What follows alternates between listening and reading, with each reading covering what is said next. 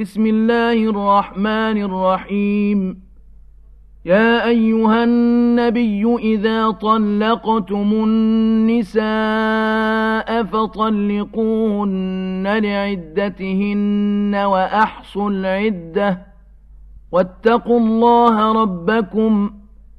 لا تخرجوهن من بيوتهن ولا يخرجن إلا أن يأتين بفاحشة مبينة وتلك حدود الله ومن يتعد حدود الله فقد ظلم نفسه لا تدري لعل الله يحدث بعد ذلك أمرا فإذا بلغن أجلهن فأمسكوهن بمعروف أو فارقوهن بمعروف وأشهدوا ذوي عدل منكم وأقيموا الشهادة لله ذلكم يوعظ به من كان يؤمن بالله واليوم الآخر ومن يتق الله يجعل له مخرجا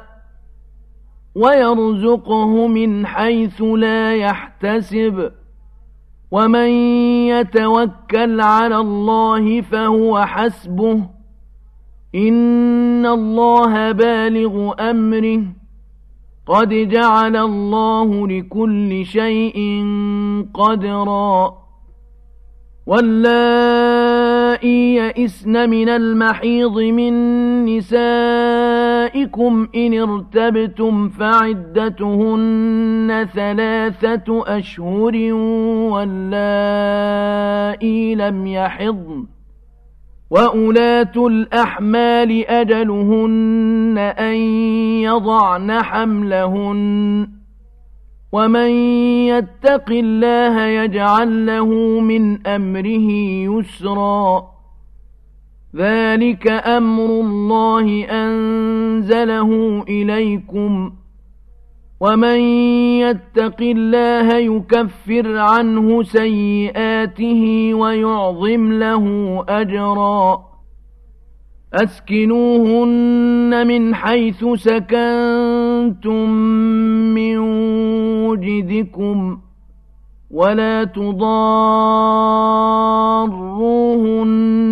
لتضيقوا عليهن وإن كن أولات حمل فأنفقوا عليهن حتى يضعن حملهن فإن أرضعن لكم فآتوهن أجورهن وأتمروا بينكم بمعروف وإن تعاسرتم فسترضع له أخرى لينفق ذو سعة من سعته ومن قدر عليه رزقه فلينفق مما آتاه الله. لا يكلف الله نفسا إلا ما آتاها. سيجعل الله بعد عسر يسرا.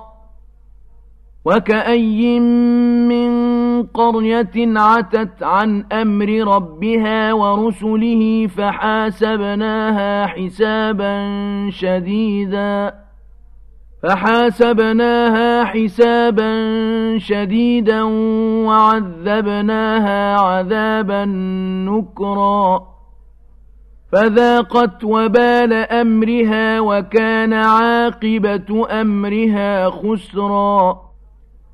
أعد الله لهم عذابا شديدا. فاتقوا الله يا أولي الألباب الذين آمنوا. قد أنزل الله إليكم ذكرا. رسولا يتلو عليكم آيات الله مبينات ليخرج الذين آمنوا وعملوا الصالحات من الظلمات إلى النور. ومن يؤمن بالله ويعمل صالحا يدخله جنات تجري من تحتها الأنهار خالدين فيها أبدا. قد أحسن الله له رزقا. الله الذي خلق سبع سماوات ومن الأرض مثلهن. يتنزل الأمر بينهن لتعلموا أن الله على كل شيء قدير وأن الله قد أحاط بكل شيء علمًا.